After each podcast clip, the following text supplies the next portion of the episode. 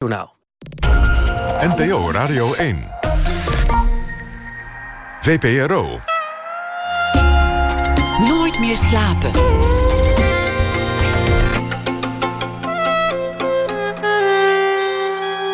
Met Pieter van der Wielen. Goedenacht en welkom bij Nooit meer slapen. Marcia Luiten is de gast komend uur. Groeide op in een verlaten mijnstreek in Oost-Limburg in de jaren 70. Zag als kind de schoorstenen neerploffen, het dynamiet exploderen, de sloop, de achteruitgang. En ze had maar één jonge gedachte: maken dat je wegkomt. En ze kwam weg door te studeren via de diplomatenklas. Kwam terecht in Afrika, in Oeganda en Rwanda, maar voelde zich daar altijd een buitenstaander. Ook terug in Nederland bleek ze de blik van een buitenstaander te hebben geïnternaliseerd. Ze ging schrijven over Nederland en over Afrika en hoe de twee op elkaar waren gaan lijken. En dat schrijven bracht haar uiteindelijk, al ironie, terug naar de plek waar ze juist zo graag weg wilde komen: Limburg. En ze schreef daar een boek over. Een plek als presentator bij Buitenhof heeft ze opgegeven om zich te verdiepen in een leeftijdsgenoot die een heel ander leven kreeg, koningin Maxima. Dat boek moet nog komen, maar intussen schreef ze wel het voorwoord bij een ander boek over een andere fascinerende vrouw, Angela Merkel. Wij zijn Angela heet dat boek en dat uh, ligt vanaf heden in de winkel. Marcia Luiten is van 1971. Marcia, welkom. Dank je. Het is hier veranderd sinds uh, gisteren, want iemand heeft hier. Uh, plastic doorzichtige wanden neergezet. Dus er staat iets tussen ons in. We zitten een beetje in een aquarium, hè? Ja, ja. Het, een beetje achter een loket. Ja, alsof jij de bankman bent en ik uh, mijn geld kom storten of zo in tijden van crisis. Het is niet kogelvrij, vrees ik. Maar je kan, je kan weer niezen. Dat is het goede nieuws. Dat is fijn. Ik hoef niet meer bang te zijn. Ik hoop dat we, dat we op ander vlak wel wat tussen, tot elkaar kunnen komen. Dat, Anders kijken we om dat schermpje heen. Dat het, dat het gaat lukken. Hoe beleef jij deze dagen? Ik vind ja, zoals iedereen vind ik het eigenlijk heel gek. Kijk, voor mij zelf verandert er niet zo heel gek veel. In die zin dat ik um, afgelopen jaar uh, heel erg veel uh, thuis werkte. Dus ik ben uh, op reis geweest, natuurlijk een paar keer naar Buenos Aires voor dit boek over Koningin Maxima. Maar de laatste maanden vooral zit ik echt in. Quarantaine als schrijver. In quarantaine als schrijver, dat zat ik al, precies. Dus dat verandert niet. Het enige wat echt verandert is dat mijn hele gezin nu om me heen zit. Um, dus ik dacht eerst, nou, voor mij verandert er niet zoveel. Maar ja, dit, dit, ik bedoel, als schrijver wil je dus gewoon vooral rust en niks om je heen. Dus dat is wel anders. Ik, ik lees op social media bijna niks anders. En, en ook in, in kranten door columnisten. Mensen die ineens geconfronteerd worden met hun eigen nageslacht kinderen die ze eigenlijk ochtends zien tussen, tussen half acht en half negen. En dan daarna als ze uit school komen. Of als de ouders uit hun werk komen. Maar die zijn ineens de hele dag thuis. En die mensen die merken nu ineens wie die kinderen zijn. Wat ze dus al die jaren al op onderwijzers af hebben gestuurd. Dat wordt nu op henzelf afgestuurd. En dat valt tegen. Ja, nou, het heeft ook grote voordelen. Want ik, ik vind het ook ontzettend bijzonder en gezellig dat we, zeker nu het mooi weer is, om. Uh, om één uur met z'n allen uh, aan de picknicktafel in de tuin kunnen gaan zitten. Of dat we uh, allemaal s'avonds uh, samen eten. Dat gebeurt eigenlijk steeds minder. Hè, want dan is de een is naar zangles of is sporten of is bij een vriendinnetje. Dus nu, ja, we zitten noodgedwongen opgesloten. En dat is ook bijzonder. En um, ja, en, en, en ja, maar ja, je, je zit vooral met homeschooling. Dus je moet gewoon thuis je kinderen lesgeven. En nou ja, dat is soms, nou ja je loopt dus wiskundesommen uit te leggen en een werkwoordspelling en dat soort dingen.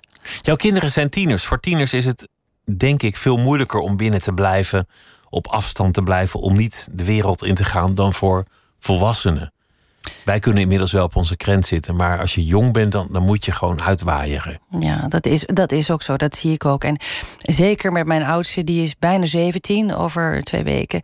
Um, daar heb ik even wel echt uh, uh, stevige gesprekken mee gehad. Omdat hij echt zei. En wat het echt zo moeilijk maakt, is dat hij zei: Ja, maar mam, het is flauwekul dat jij zo streng bent. Want um, vrienden van mij spreken gewoon nog met elkaar af. En ik vond het toch echt belangrijk dat we ons daar wel aan hielden. Dus dat maakte het nog moeilijker. Maar weet je, ik, we zijn ons er allemaal van bewust dat we heel bevoorrecht zijn. Want we wonen echt buiten en we hebben een tuin en we wonen midden in de weilanden. En we kunnen uh, met een bootje wegvaren. Dus weet je, we zitten niet op drie hoog uh, in de stad. En dat is echt een enorm verschil. Dus ik heb enorm veel um, respect voor mensen die dat klaarspelen. Als je met 25 vierkante meter in de pijp zit, dan heb je het benauwder dan wanneer je woont in een mooie groene omgeving, zoals jij, Ja. op het platteland. Met pubers op drie hoog in de pijp. Dat, dat doen mensen. Hoe kijk je op, op meer mondiale schaal hiernaar? Want je, je bent econoom, je, je kijkt al je hele leven naar de samenleving en hoe we die inrichten. Je bent gewend met modellen en abstracties om te gaan. Hoe, hoe zie je dit moment? Want die economie, die is, lees ik overal, nog nooit zo tot stilstand gekomen. Zo acuut en zo radicaal. Ja, volgens Die, ma- mij, die machine heeft altijd gedraaid. ja, volgens mij sinds 1945 is, is er een proces geweest van toenemende, een proces van toenemende globalisering. Van steeds meer mobiliteit en steeds meer versnelling en steeds meer eh, het aan elkaar knopen van. eh, dat systeem dat tot in de verse uithoeken reikt, namelijk tot aan Wuhan, 8500 kilometer verderop, waar dus iemand naar de vismarkt is gegaan en daar een levend dier uit het woud heeft gekocht en dat heeft opgegeten. En als gevolg daarvan ligt onze hele, eh, ons hele, niet alleen maar onze economie, maar ons hele leven ligt daarmee bijna stil. En Binnen een paar weken tijd. in een paar weken tijd. En dat is nooit voorgekomen. Tegelijkertijd ehm, eh, zouden we ernaar kunnen kijken als een ongelofelijke kans. Hè? Los van alle schade en het leed en het verdriet en de moeilijkheden die het voor mensen oplevert, is het ook een kans waarvan ik echt hoop dat we die gaan benutten. Kijk, als je die wereldeconomie bekijkt, dan is het eigenlijk een hele grote mammoetanker. En die mammoetanker die vaart en die ligt op koers. En die heeft steeds meer snelheid gekregen sinds 1945 en die is alsmaar groter geworden. En die kun je, terwijl die vaart, eigenlijk niet meer van koers veranderen. En nu ligt hij voor het eerst sinds 1945 ligt hij eigenlijk stil. En dat is het moment dat je op de brug kan gaan staan en om je heen kan gaan kijken en je afvragen. eh, wat, wat doet deze mammoetanker eigenlijk? Willen wij dat? Hè? Willen wij wat hij doet? En dan denk ik, eh, wordt het minder abstract. Eh, we hebben een economisch systeem. Dat is natuurlijk een soort van een marktkapitalisme, de vrije markt. eh, eh, steeds ongeremder kapitalisme. Nou ja, dat produceert en consumeert toch heel erg ten koste van de planeet en ook ten koste van heel veel mensen. Er zijn toch, het is een systeem waarin een soort van 1 of 2 procent enorm profiteert en waarin een hele grote meerderheid eh, eigenlijk steeds minder zekerheden heeft. Dus het moment van stilstand is een moment om het systeem te herzien. Ja. Idealiter. Dat zou nu kunnen, ja. Dat gaat niet gebeuren, want iedereen is bezig met het bestrijden van de crisis. Ja, dat is ook En het kijken ja. hoe we zo snel mogelijk de machine weer aankrijgen.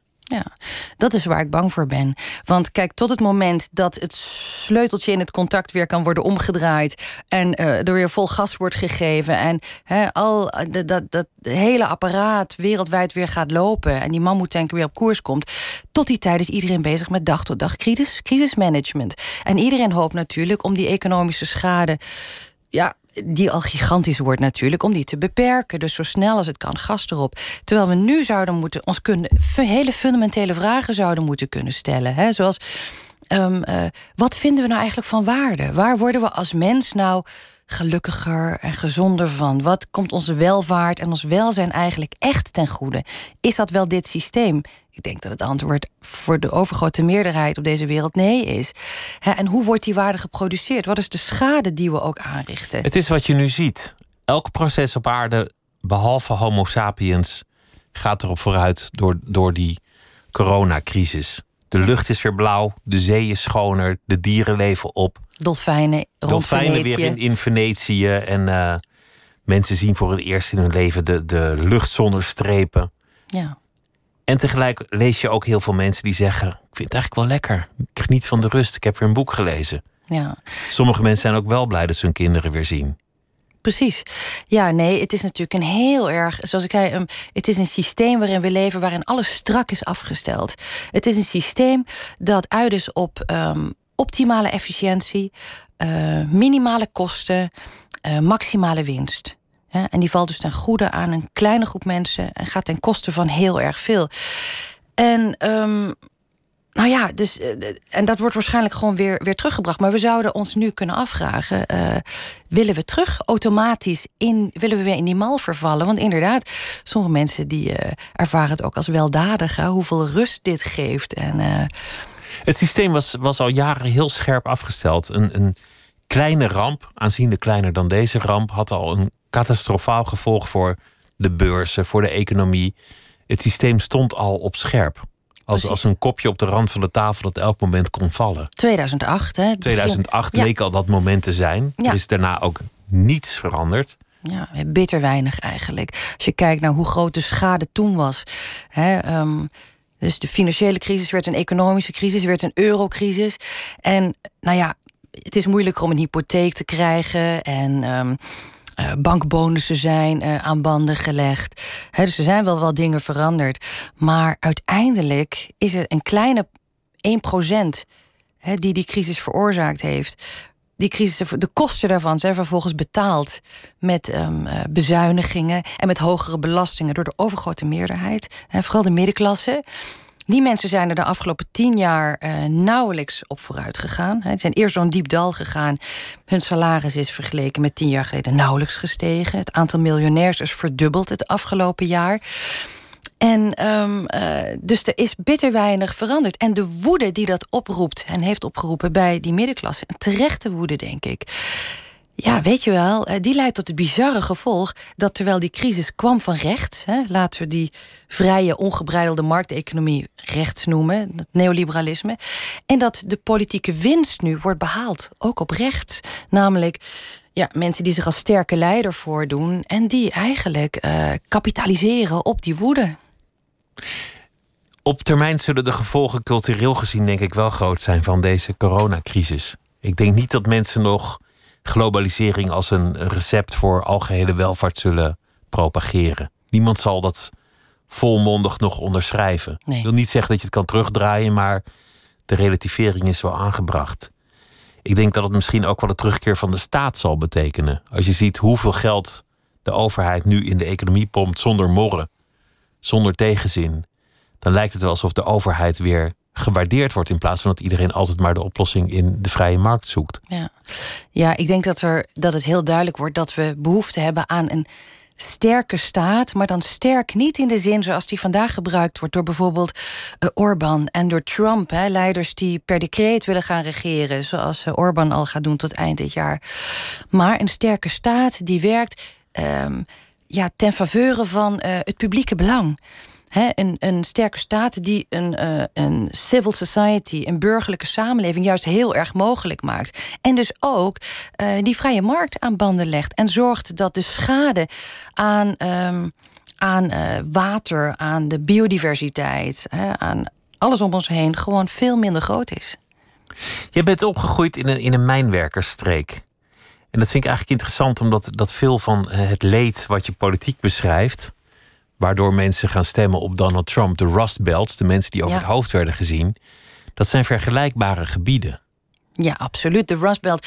Toen Donald Trump opkwam en um, hij, zijn, um, hij zijn achterban zocht in de Rust Belt alle verhalen die ik hoorde over de Rust Belt, dacht ik, die heb ik één op één. Kan ik die leggen als een schabloon over de verhalen die ik heb opgetekend in uh, de oostelijke mijnstreek.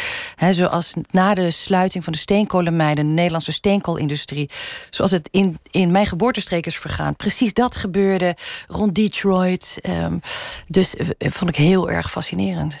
Geldt ook voor Oost-Frankrijk. Lotharingen, daar heb je ook van die mijngebieden. Absoluut. Wallonië. Wallonië. Je, je kan in Duitsland hele gebieden aanwijzen waar hetzelfde aan de hand ja, is. Delen in Engeland natuurlijk. Engeland. Ja. Hoe heeft je dat getekend? Wat, wat, wat heeft dat eigenlijk voor invloed in jouw leven gehad om op te groeien in een streek waar alles achteruit ging? Ja. Waar je armoede kon zien, waar je sloop kon zien, waar je somberheid kon ervaren. Ja, het grappige is dat je als kind zeg maar. Uh, kijk, je bent de vis die zwemt in het water dat er is. En mijn water was die oostelijke mijnstreek. Die pas achteraf veel later kon ik zien eigenlijk een bloedend landschap was. Dus ik fietste, ik woonde in een dorpje, een heel mooi klein dorpje aan de rand van de mijnstreek. Maar ik fietste naar school in Hoensbroek. En dat was echt toch wel hard, hartje mijnstreek. En ik ging uh, op zaterdag met mijn vriendin op vrijdag en zaterdag uit in Heerlen. Nou, dat was echt nog meer hartje mijnstreek. En je zag gewoon dat het bloedend landschap was. Overal waren gaten gevallen. Je voelde als kind, dit klopt niet. En wat je ook voelt als kind is... Um, er is hier gewoon weinig energie. Weinig positieve energie. Het, is, voelt een soort van moeras...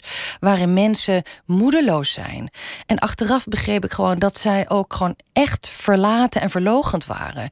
Maar als kind voel je alleen maar, er zit hier geen energie in. Mensen klagen zo. Dus ik denk wel dat ik veertien was en vanuit het huis van mijn ouders uitkeek ver over de horizon en dan dacht: ik moet hier echt weg. Ik, moet, ik dacht altijd: ik moet naar Amsterdam. Dat ook wel mooi is, heuvelachtig, groen. Prachtig. Het is een prachtige streek en het grappige is, is ik wilde weg om. Uh, gewoon energie te vinden. Waar je gewoon, hè, als je gewoon, je bent een puber en je wil echt iets van het leven maken en je hebt er gewoon enorm veel zin in, dan dan voel je gewoon aan alles aan dat dat niet de streek is waar je dat zult vinden. Maar en ik ben naar Amsterdam gegaan uiteindelijk. En ik vond Amsterdam geweldig. Maar ik miste ook altijd heel erg uh, het landschap van mijn jeugd. Wat ik nog steeds, waar ik zo waar ik zo van hou en waar ik ook zo naar kan terugverlangen. De, de holle wegen waar je dan als klein kind met vriendinnen stiekem doorheen uh, zwierf. En hoe spannend en magisch die waren. En weet je, de knotwilgen langs de slootjes. Het is gewoon een heel idyllisch landschap. En um, het is wel grappig, want nou ja, ik heb dus uiteindelijk dat boek geschreven, Het Geluk van Limburg.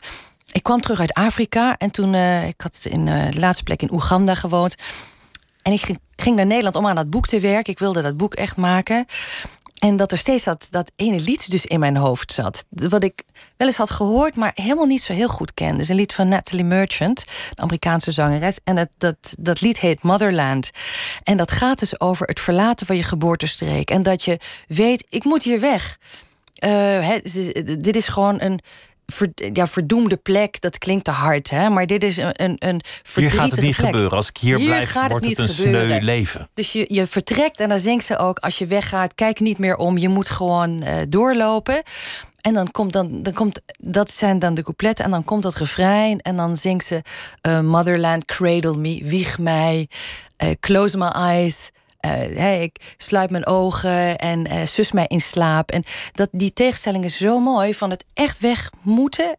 vanuit een innerlijke drive tot ja, zelfrealisatie, noem ik het dan maar. maar. Moest je dingen afleren? Had je, had je een zachte G, een zangerige manier van spreken? Konden mensen aan je zien dat je uit Limburg kwam? Was iets om je voor te schamen? Nou, ik had een soort van uh, tussenplek, want ik ben gaan studeren in Maastricht. Ik vond dat echt van alles wat ik zag de leukste, meest interessante universiteit, omdat ze een heel ander systeem hadden. Een levendige stad vlak in de buurt. Ja, maar ik ging dus niet naar Maastricht omdat het in Limburg was. Sterker nog, ik ging tegen wil en dank naar Maastricht. Maar ik ontdekte dat dat, vond ik, de beste universiteit was voor mij op dat moment. Ik kon daar ook in het Engels en Frans mijn studie doen. Dat wilde ik ook graag. En, um, uh, en dat, die omgeving waarin ik toen kwam, was eigenlijk al heel erg uh, gemixt en ook internationaal. Dus daar is denk ik mijn accent wel veranderd. Want ik was natuurlijk eerst praat ik gewoon met een veel zachter Nederlands accent. Tot mijn vierde sprak ik überhaupt geen Nederlands, alleen maar Limburgs. Dus Nederlands is mijn tweede taal. En daarom denk ik dat dat ook qua accent veel makkelijker meebeweegt met de omgeving waarin je bent. Ik denk dat als ik in Groningen ga wonen een paar jaar, dat ik behoorlijk Gronings ga praten. Ik zou nu niet aan jou horen dat je uit het zuiden komt. Nee, maar dus het is ook mijn Nederlands is mijn tweede taal. Echt, zo voelt dat ook. Als ik gewoon struikel of ik uh, loop keihard tegen een boomtak aan, dan vloek ik heel hard in het Limburgs. Als je nu teruggaat en, en je, of je luistert naar dat liedje van Natalie Merchant, is het, is het dan wel weer goed? Of heb je toch nog steeds dat gevoel van ik, ik haat die omgeving of, ik, of het benauwt me die omgeving of mis je het? Hoe, hoe nee, dat, sta je daar nu tegenover? Nee, het grappige is, is dat ik aan dat boek Het Geluk van Limburg begon omdat ik door Afrika reisde uh, en eigenlijk heel erg vaak naar plekken ging waar, uh, uh, waar mijn industrie was. He, waar delfstoffen werden gewonnen op allerlei plekken. Zambia, uh, Oeganda, uh, Congo was ik natuurlijk vaak. Dat was in de buurt en daar was het een burgeroorlog. Op al die plekken ging het om delfstoffen. En dat ik op een gegeven moment thuis kwam uh, bij mijn Jeroen. En dat ik zei... Goh, ik zei, ik realiseer mij ineens dat ik altijd maar verhalen over een mijnbouw maak. Maar ik kom zelf uit een mijnbouwgebied. En ik weet eigenlijk helemaal niks van. Hoe dus je bent helemaal naar Oeganda gereisd om uiteindelijk je geboortestreek te ontdekken. Op Eigenlijk, afstand. ja, soms achteraf kun je, kun je dat verhaal uh, erop leggen en dan, dan is dat zo. Want toen zei ik tegen Jeroen: Het is bizar dat ik er zo weinig van weet. Als we terug naar Nederland gaan, ga ik dit boek maken. Of eigenlijk, ik wil terug naar Nederland om dit boek te maken. Nou, en door het maken van dat boek kwam ik van zo'n afstand eigenlijk. Ik kon zo als weer de buitenstaander naar mijn geboortestreek kijken. Het is altijd heel fijn om met de ogen van buiten, frisse ogen te kunnen kijken. En dat ik toen pas eigenlijk ging zien van ja, um, ik ergerde mij misschien wel aan de lethargie. Maar uh, mijn hemel, wat is deze mensen aangedaan? Ik had nooit geweten dat Heerlen de rijkste stad van Nederland was in de jaren, begin jaren 60, samen met Rotterdam van die mooie parameters. Um, je had daar de hoogste dichtheid uh, aan bontjassen in Heerlen. Meer dan waar ook in Nederland. De trots van die stad was ongelooflijk. Het was echt een moderne stad met de beste patissiers en de beste kleermakers. En in tien jaar tijd, uh, na het sluiten van die mijnen, was die stad failliet. De stop is er gewoon uitgetrokken. Uitgetrokken en zonder dat er een plan klaar lag. Dus maar je beschrijft ook hoe die sociale samenhang gepromoveerd werd, dat daar actief aan gewerkt werd. De eerste 50 jaar de, in de het opbouw. verenigingsleven. Ja. En, en je zag ook wel de sporen daar nog van toen, toen jij door opgroeide. Dat die sociale samenhang er toch nog wel was. Ja, zeker. Ja, absoluut. Ja. Want, want jouw vader was een soort welzijnswerker. Ja, welzijnswerker, nou uh, veel onromantischer. Um, uh, hij werkte uh, bij de sociale dienst in Heerlen, waar dus al die 90.000 mensen die geen werk meer hadden in de kaartenbakken stonden. Dus dat kreeg ik vroeger als kind wel mee. En toen ik echt jong was, zat mijn vader ook echt zoals wij nu achter een loket. En daar kwamen al die mensen die allemaal wanhopig waren, geen werk meer hadden en die mijnwerkers die echt, weet je, dat waren macho's, die kompels, die mijnwerkers. En dat waren nu een soort van verslagen, ja, echt het, weet je, van, uh, van kampioenen waren het losers geworden. En, en ik kreeg die verhalen thuis. Later werkte mijn vader, was hij was die afdelingshoofd... en zat hij niet meer zo direct met al die mensen. Maar ik heb die verhalen altijd uh, wel echt meegekregen. Laten we luisteren naar dat, dat liedje, Motherland.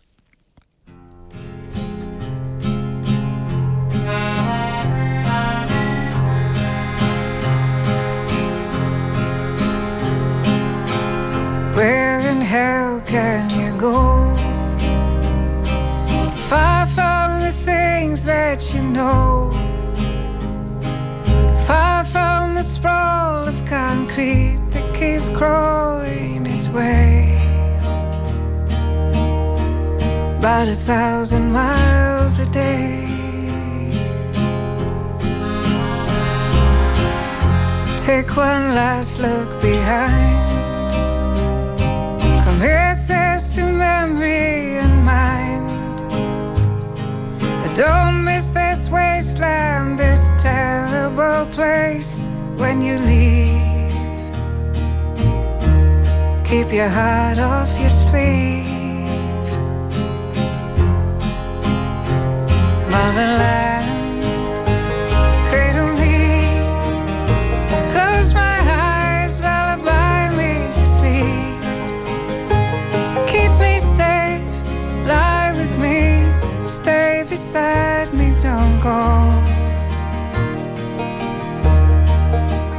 Don't you go.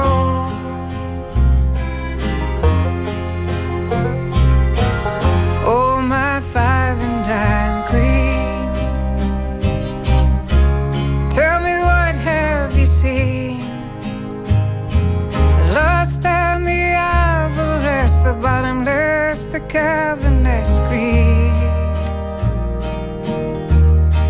Is that what you see?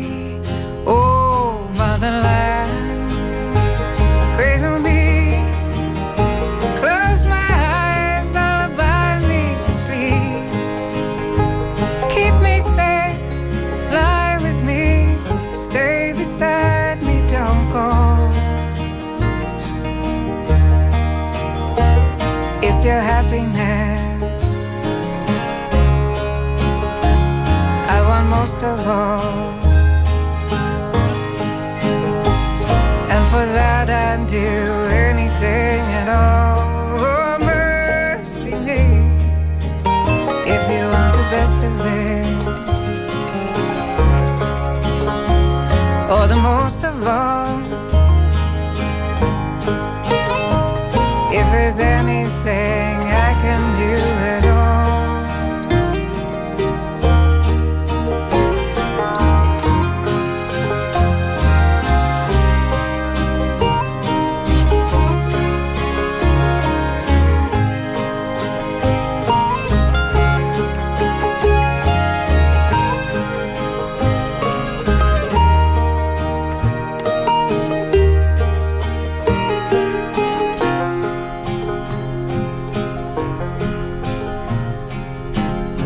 Come on, shotgun bride. What makes me envy your life? Faceless, nameless, innocent, blameless, and free. What's that like to be?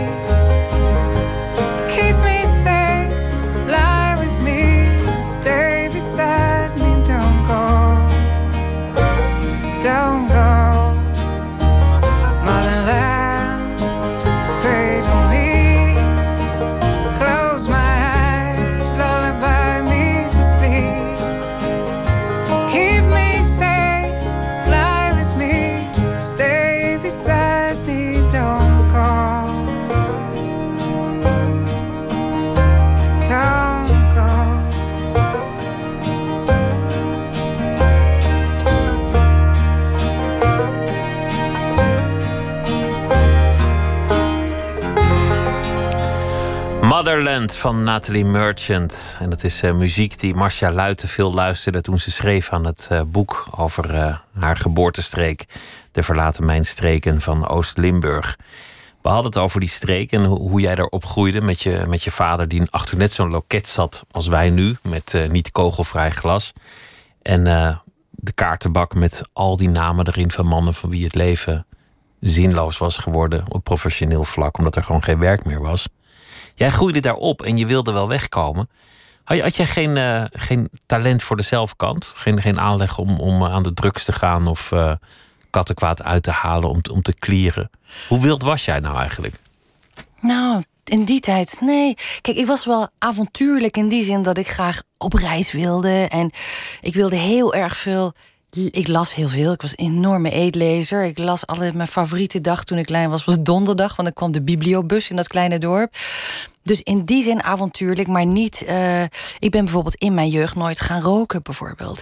En, eh, Dat staan blowen, snuiven, spuiten, et Nee, cetera. terwijl mijn vader er wel bang voor was. Ik eh, kreeg op een gegeven moment ook Christiane F. van hem te lezen.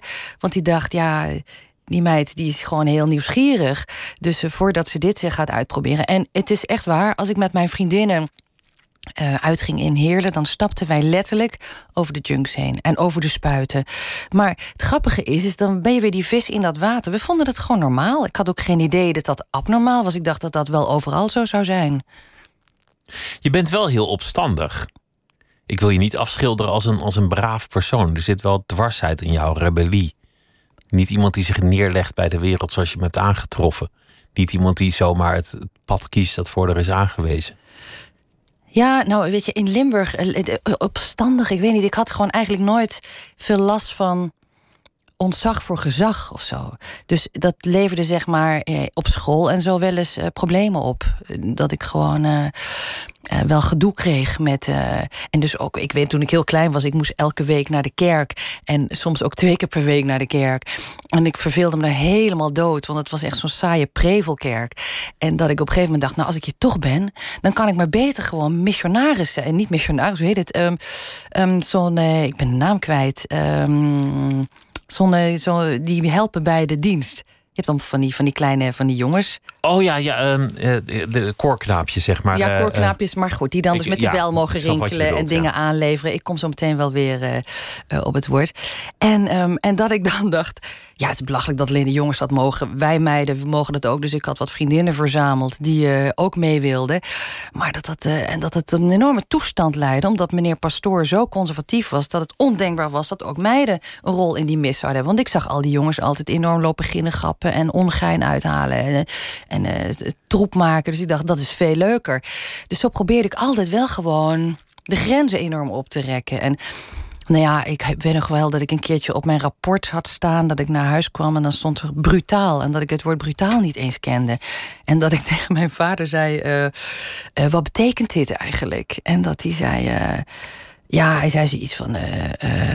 of nee, ik weet niet wat. Maar het, het kwam erop neer dat ik dus brutaal was. En ja, dat, is niet een, niet een compliment. niet in ieder kop, dat geval. het geen, totaal geen compliment was. En dat ik ook dacht, oh god, ze zullen zich wel enorm schamen... dat ik mij gewoon dus echt heel slecht gedraag. Maar dat ik pas veel later mij realiseerde... dat het helemaal niet... eh, dat ik eigenlijk helemaal niet echt brutaal was geweest... maar gewoon niet heel... eh, met niet heel veel ontzag voor de hiërarchie die er was... Hè, en die ook ter sprake stelde en vragen stelde. En vooral in Limburg was dat toch eh, was niet gebruikelijk. In die zin hoorde je toch wel gewoon het gezag te respecteren. De leraar. Nou, kijk, die, die, de streek waarin ik ben geboren was gewoon ook in die mijngeschiedenis enorm getraind, eh, geleerd, gedisciplineerd om gewoon naar boven te kijken. Naar het gezag boven je en dan te vragen: eh, wat verwacht je van mij? En dus mensen waren nooit eh, geacht geweest om zelf echt na te denken. Om zelf kritische vragen te stellen bij de gang van zaken. En eh, eh, ik, ik groeide natuurlijk op in, de, in een systeem dat zo, dat zo was opgebouwd. Dus daar liep ik wel tegenaan dan. Later kwam je in het diplomatenklasje. Had je, het, had je het karakter om diplomaat te worden? Denk je achteraf? Nee, anders was ik misschien wel gebleven. Dus ik. Kijk, ik dacht, eh, ik vind dit eh, eh, interessant, want ik hou van reizen en ik hou van internationale politiek. En je bent dicht bij het vuur, want je bent dicht bij de politiek. Dat boeide mij ook. Ehm, ik had me alleen nooit echt gerealiseerd wat dan zeg maar. Wat een ambtenaar echt is. Dus dat inderdaad. ehm, eh, dus toen ik eenmaal dat klasje had gedaan, wat ik super interessant vond, heb ik zoveel geleerd. Het was echt echt heel erg leuk. En toen ging ik daar werken en toen kreeg ik de leukste baan, vond ik, uit mijn hele eh, opleidingsjaar. Want we waren met 25 mensen die dan allemaal een baan kregen. Ik deed namelijk eh, internationale ontwikkelingsbanken. Maar dus pas, en pas na een paar maanden realiseerde ik mij dat er in mij gewoon een hele slechte ambtenaar zat. Dat ik overal gewoon vraagtekens bij zette en allemaal concepten opnieuw wilde definiëren. En dat ik discussiegroepjes opstartte, ook met het ministerie van Financiën, om het te hebben over wat betekent dan goed bestuur. Want ik was ook afgestudeerd in eh, politieke cultuur eh, eh, als eh, cultuurhistoricus. dus dat vond ik allemaal veel interessanter dan alleen maar papiercheffen en. eh, Uitvoeren. aan helemaal uitvoeren. En op een gegeven moment dacht ik, ja. En dan ging ik opiniestukken schrijven voor eh, het Parool en voor NRC. Maar dan moest ik, werd ik op het matje geroepen bij eh, de directie voorlichting... dat dat toch niet de bedoeling was als ambtenaar. En toen dacht ik, ja, ze hebben ook wel een punt. Maar ik heb ook een punt, want ik word hier gewoon niet, niet blij van. Dus toen, ja, en toen kon ik naar de Volkskrant, eh kwam een De- plek. de- in die jaren was het meer dan nu aan de hand dat het Westen, of in ieder geval de, de wereldinstituties, wilden vastleggen hoe andere landen bestuurd werden. Democratie moest daar Ja. komen, vrije markt moest er komen. Ja. En dat leidde tot allerlei merkwaardige situaties, omdat landen dingen gingen afvinken die haak stonden op de eigen cultuur. Of ze gingen het dan een beetje ja, besjoemelen om, om dat op het formuliertje goed te krijgen. Het was eigenlijk een, een onwaarachtige situatie. Ja, dat is mooi gezegd. Een onwaarachtige situatie. Toen ik dan jaren later zelf naar Afrika verhuisde... want ik was intussen getrouwd met iemand uit mijn diplomatenklasje... en die was wel diplomaat gebleven. Dus wij zochten dan samen een plek waar ik als journalist kon werken... en hij ehm, als diplomaat. Dus we gingen eerst naar Rwanda. Eh, echt een hartje Afrika, Centraal-Afrika. En, ehm, en daarna naar Oeganda... En ik reisde als journalist dus veel rond. En wat ik eigenlijk steeds meer zag... en wat me eigenlijk ja, waar ik steeds eh, kritischer over werd, is dat door de situatie die jij beschreef, doordat wij daar een systeem eigenlijk hadden opgelegd, hè, met eh, ontscheld als uh, pressiemiddel, zag je dus eigenlijk dat we wel software hadden ingevoerd als een meerpartijenstelsel en een, een rekenkamer en soms zelfs een ombudsman. Dus allemaal zeg maar de iconen van onze um, parlementaire democratie hadden wij ingevoerd, maar dat onder daaronder als onderwaterscherm eigenlijk een heel ander systeem bleef draaien. Namelijk gewoon een Afrikaans systeem, een patronagesysteem, een cliëntelensysteem. Hè. Gewoon een grote man, een patroon die stemmen koopt van mensen die hij zal beschermen als ze maar op hem stemmen. En die twee, dat waren twee totaal verschillende systemen. En wij dachten, wij zien zeg maar de bovenkant, dus het is een democratie. Maar daaronder werkt een heel ander. Dus het spel om de macht ging op een heel andere manier.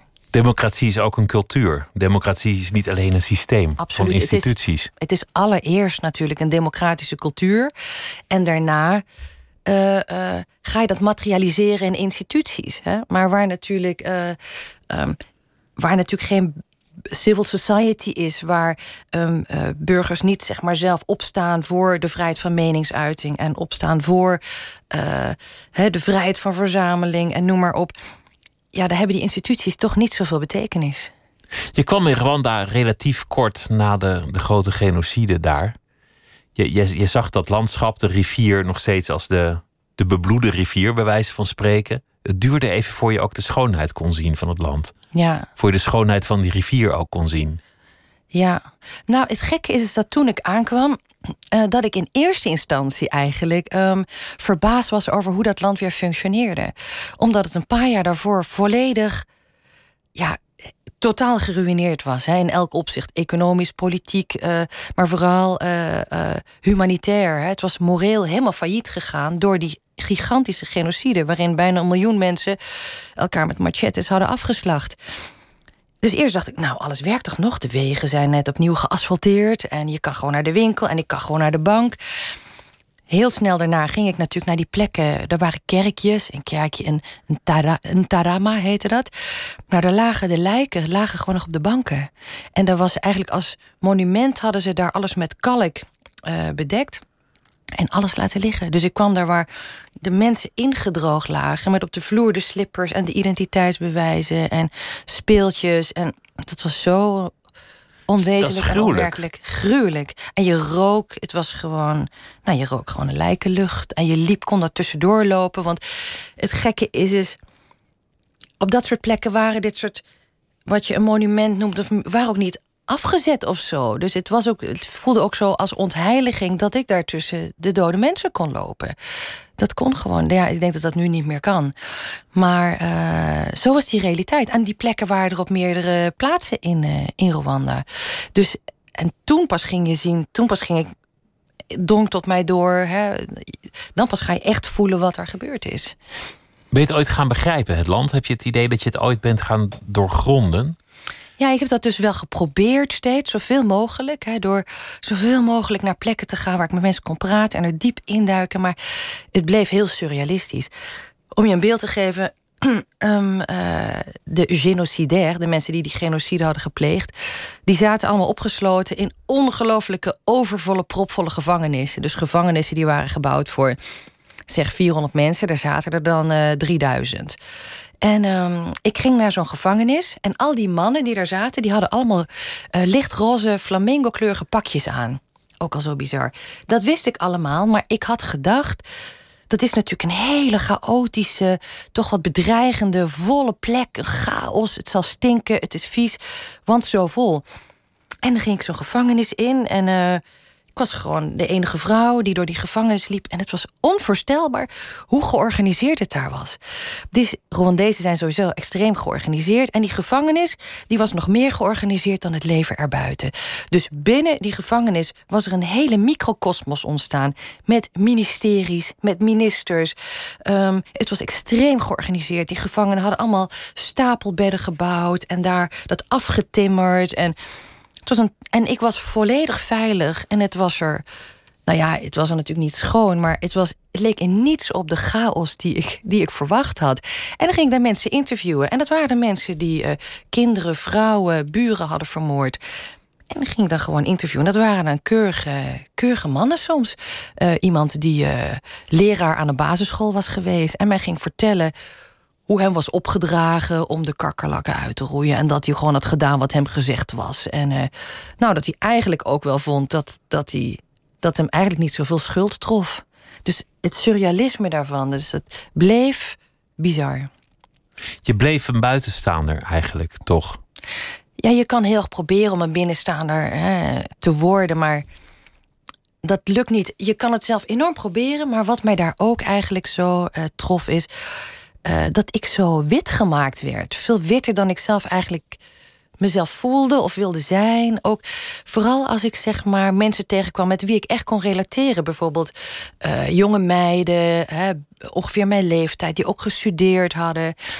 En die mij dan toch heel erg. Uh, die mij dan echt wit gingen vinden. Snap je? Die kon niet echt vriendinnen worden. Er was altijd een ongelijkheid die ik wilde kwijtraken, maar die zij juist in stand hielden. En wit, dat houdt dan in rijk, geld, buitenstaander. Ja. ja. Ja, ja, ja.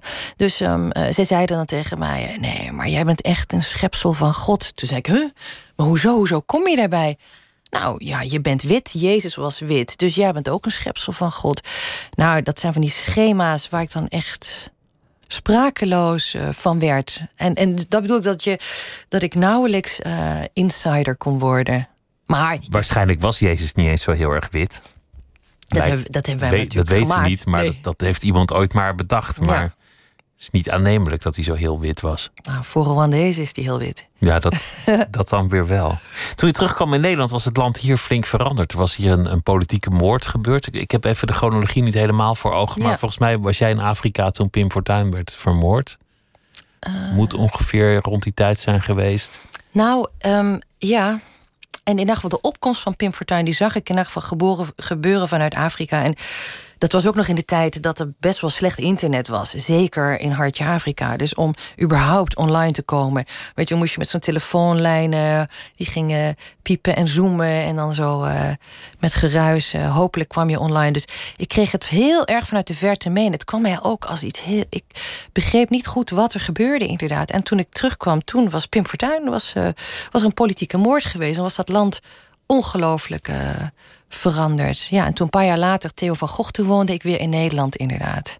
Toen schreef je dat boek Ziende Blind. Ziende Blind, ja. Wat, wat, wat een, een, nog steeds een heel mooi boek is. En waarin je aan, aan de hand van allerlei schetsen probeert te vangen hoe dat land veranderd is. Ja. Hoe subtiele codes zijn doorbroken. Ja, ja ik had zo dat ging ik pas zien doordat ik in Afrika had geleefd. En um, uh, Kijk, ik ging naar Afrika met het idee dat de manier waarop, ons, uh, waarop onze democratie functioneerde, dat de fundamenten van die democratie eigenlijk allemaal vanzelfsprekend zijn. de vrijheid van meningsuiting, uh, dat we, de enorme sociale vertrouwen dat zo belangrijk is voor een democratie. Um, en pas in Afrika ging ik zien dat die eigenlijk heel kwetsbaar zijn. En ook hoe een samenleving eraan toe gaat, hoe het eraan toe gaat. Um, als die dingen ontbreken of als die uh, uh, worden beschadigd. En toen ik terugkwam in Nederland, toen pas zag ik eigenlijk dat heel veel van die dingen uh, eigenlijk minder minder goed waren. He, dat dit sociale vertrouwen was best behoorlijk afgenomen.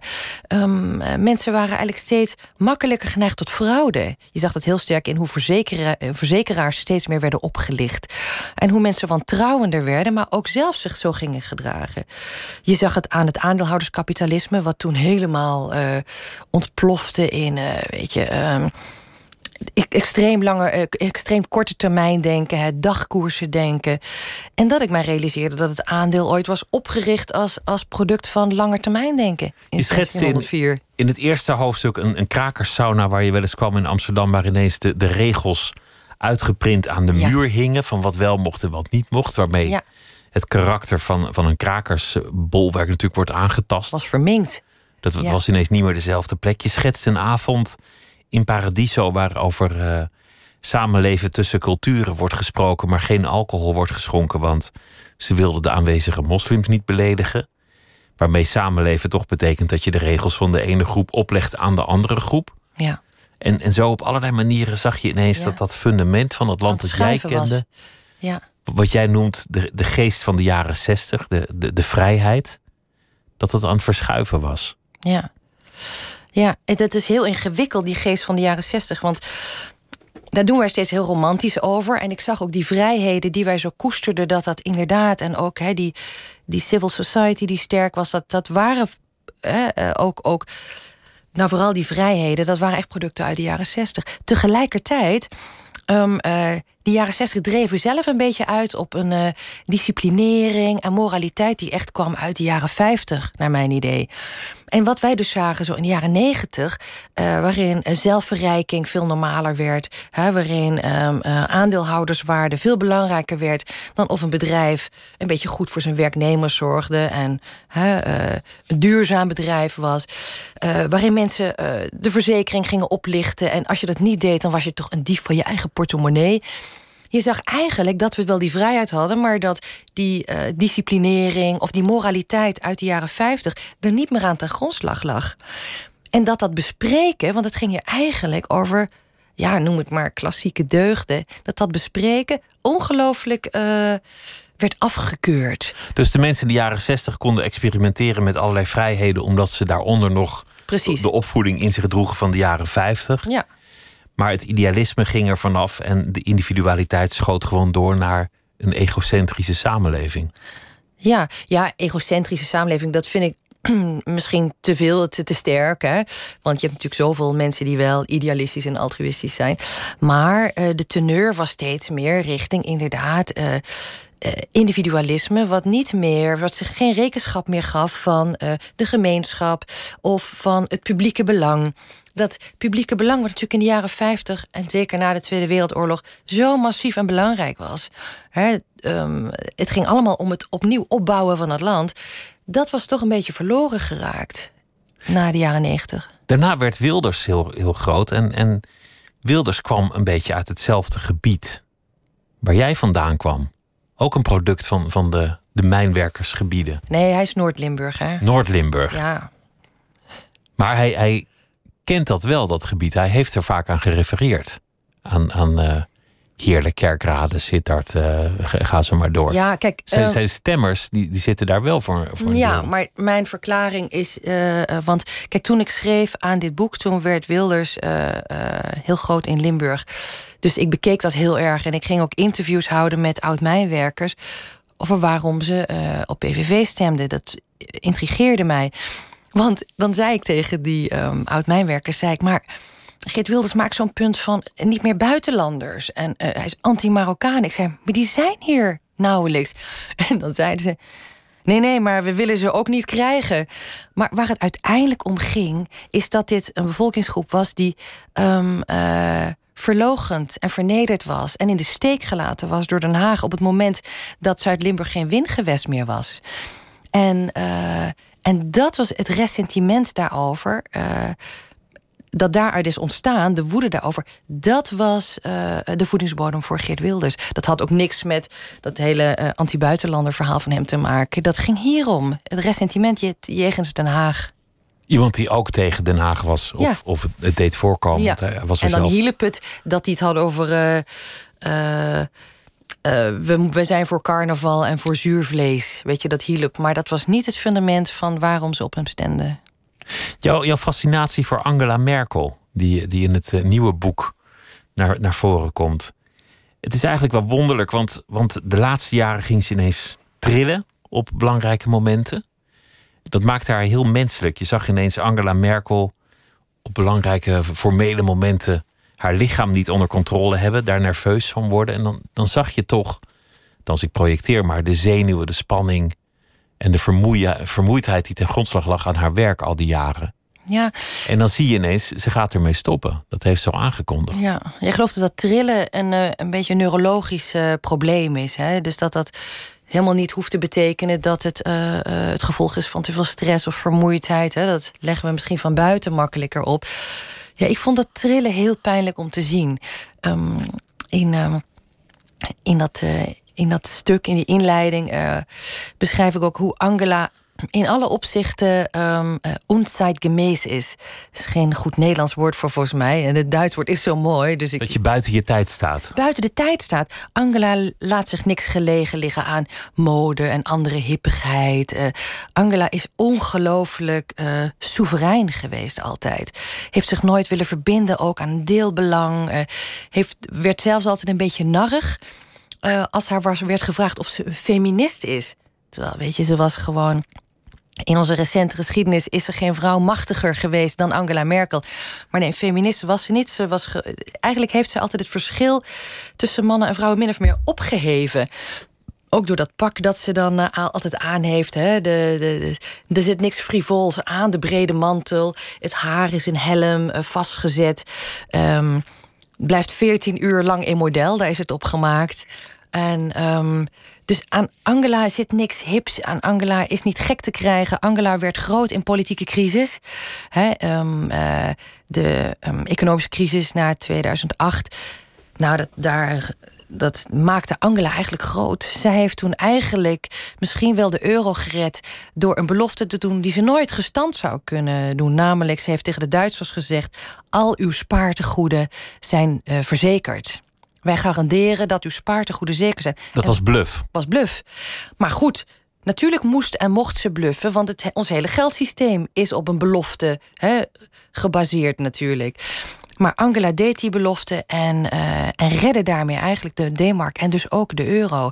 En dus in die crisis was ze altijd buitengewoon cool. Angela is een processor waar je hele complexe problemen in kan stoppen. En dan wordt zij de wetenschapper die ze uiteindelijk altijd is gebleven, die informatie inwint, die alle opties afweegt. En dan uiteindelijk pas als zij daar klaar voor is, als zij ziet wat de uitweg is, dan pas komt zij met een oplossing. Maar het is een wonderlijke tijd. Donald Trump komt aan de macht. Uh, je hebt uh, Orbán, uh, Erdogan, nou, ga maar door. Allemaal ja. macho, autoritaire leiders. Ja. Angela Merkel, de, de belangrijkste vrouw in Europa in haar periode. Niemand is haar echt gaan begrijpen. We weten dat ze van pruimentaart en aardappelsoep houdt. Ja, we hebben het over haar uiterlijk, maar er valt eigenlijk ook niet zoveel over te zeggen. Over haar persoonlijk komen we bitter weinig te weten. Ze houdt van klassieke muziek, maar ook niet te vaak. De man is hoogleraar scheikunde. Ja. Dan ben je er eigenlijk wel. Ja, maar het is, uh, zij vindt zelf ook dat haar persoonlijke leven er ook niet zo gek veel toe doet. En ik weet ook niet of ze een heel wild, uitzonderlijk persoonlijk leven heeft. Dat doet er dus ook niet zo toe. En Angela rondom Angela Merkel hangen dus heel veel paradoxen die echt interessant zijn. dus bijvoorbeeld, iedereen heeft het altijd maar over uh, haar uiterlijk dat zo niet hip is en niet frivol. En, maar wat zij eigenlijk heeft gedaan, is dat uiterlijk opgeheven. Dus zij heeft. Um, um, het verschil tussen mannen en vrouwen daarmee eigenlijk opgeheven en uh, irrelevant gemaakt. Daarmee is zeg maar um, de frivoliteit van een vrouwelijke uh, uh, uitdossing met naaldhakken en een leuke jurk is daarmee een keuze geworden en geen verplichting. Want Angela laat zien, je kan gewoon in een saai mantelpak de machtigste vrouw op aarde zijn.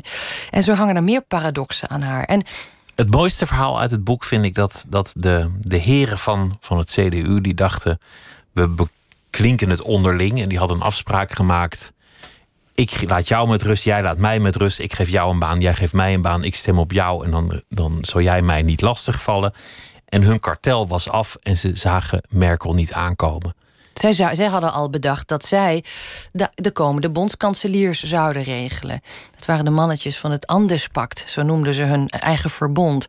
Maar het was een enorme crisis binnen de CDU. Um, ehm, Helmoet Kool uh, was in een, uh, in een beetje een corruptieaffaire terechtgekomen. En Angela Merkel, die daar. Een beetje een corruptieaffaire. Een enorme corruptieaffaire. En Angela Merkel had daar gewoon uh, het lef en de ballen om het mes te hanteren. En ze heeft gedaan wat ze moest doen, namelijk Helmoet Kool uh, opzij geschoven. Middels een ingezonden brief in de krant. Precies. Een mes in zijn rug, maar en, ja. een welverdiend mes. Was nodig op, op dat moment.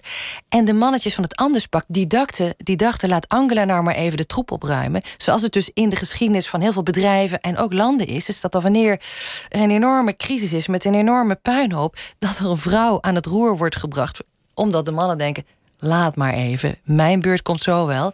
Die vrouwen mochten troep opruimen, maar ze hebben Angela zwaar onderschat. Want Angela kwam en bleef en wist hen allemaal um, uit te spelen. Ik beschrijf dat ook als uh, politieke judo. Dat, dat ze dat ons enorm kan leren. Want er waren natuurlijk allemaal aanvallen op haar. Ze werd alsmaar gedenigreerd door die mannen. eerst was ze um, das Mädchen Merkel. Toen werd ze Mutti Merkel. Dat was denigrerend bedoeld. Kijk, kijk, die onaantrekkelijke, slovende ploetermoeder. Maar Merkel boog het om naar de moeder des vaderlands. En uh, jullie kunnen mij vertrouwen. En dat was steeds de politieke judo. Alles wat ze op haar inzette, gebruikte zij uh, uh, om zelf weer haar positie te versterken. Je gebruikt de kracht van de tegenstander. Je bent bezig, dat is je grootste project op dit moment, met het boek over Maxima. Ja. Je, je interviewt mensen om haar heen. Je bent naar Argentinië geweest. Wanneer komt het er en hoe vordert dat? Nou, het is een uh, groot en niet echt gemakkelijk project. Maar een heel spannend en mooi project Want ook. iedereen wordt een soort oester als ze iets in de buurt van het Hof zijn en iemand vraagt ernaar, toch? Ja. als jij mensen belt, dan, dan worden ze al een beetje nerveus, beginnen ze al te piepen. Ja, nou, uh, uh, het is zo dat uh, de koningin geen bezwaar heeft dat mensen met mij praten. Dus ik heb de, de gelegenheid gehad, en daar ben ik heel dankbaar voor, dat ik gewoon goede vriendinnen en familieleden heb kunnen interviewen. Maar goed, zoals je zegt, dat, zo werkt het toch nog een beetje dat mensen toch redelijk gesloten zijn. De bedoeling is dat het in volgend jaar verschijnt, want dan wordt koningin Maxima 50. En dan is het een soort jubileum of een verjaardagscadeau? Of, hoe zie je dat?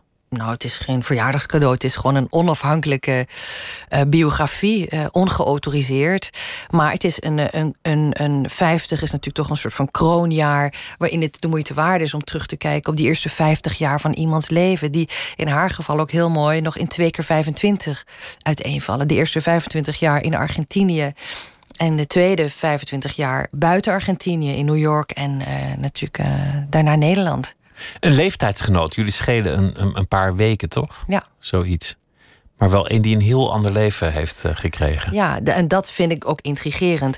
Want, nou, ik moet je bekennen, in het begin dacht ik... Mm, zal ik wel aan dit project beginnen... want ik heb nooit iets met het Koningshuis gedaan.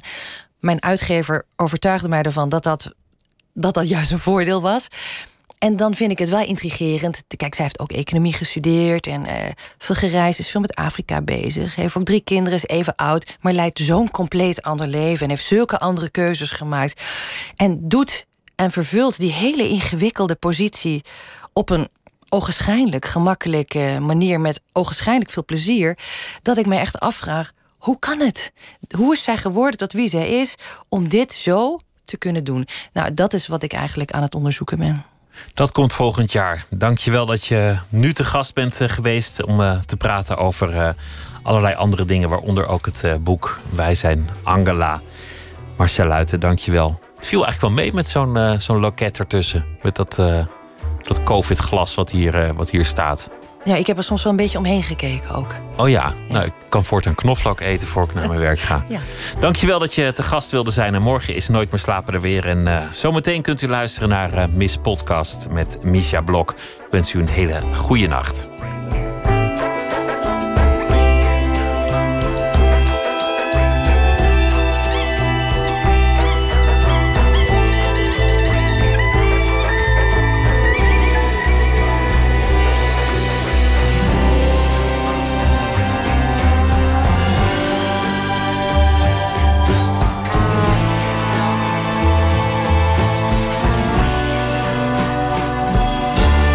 Radio 1.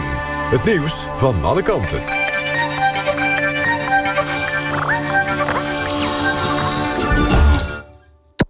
NPO Radio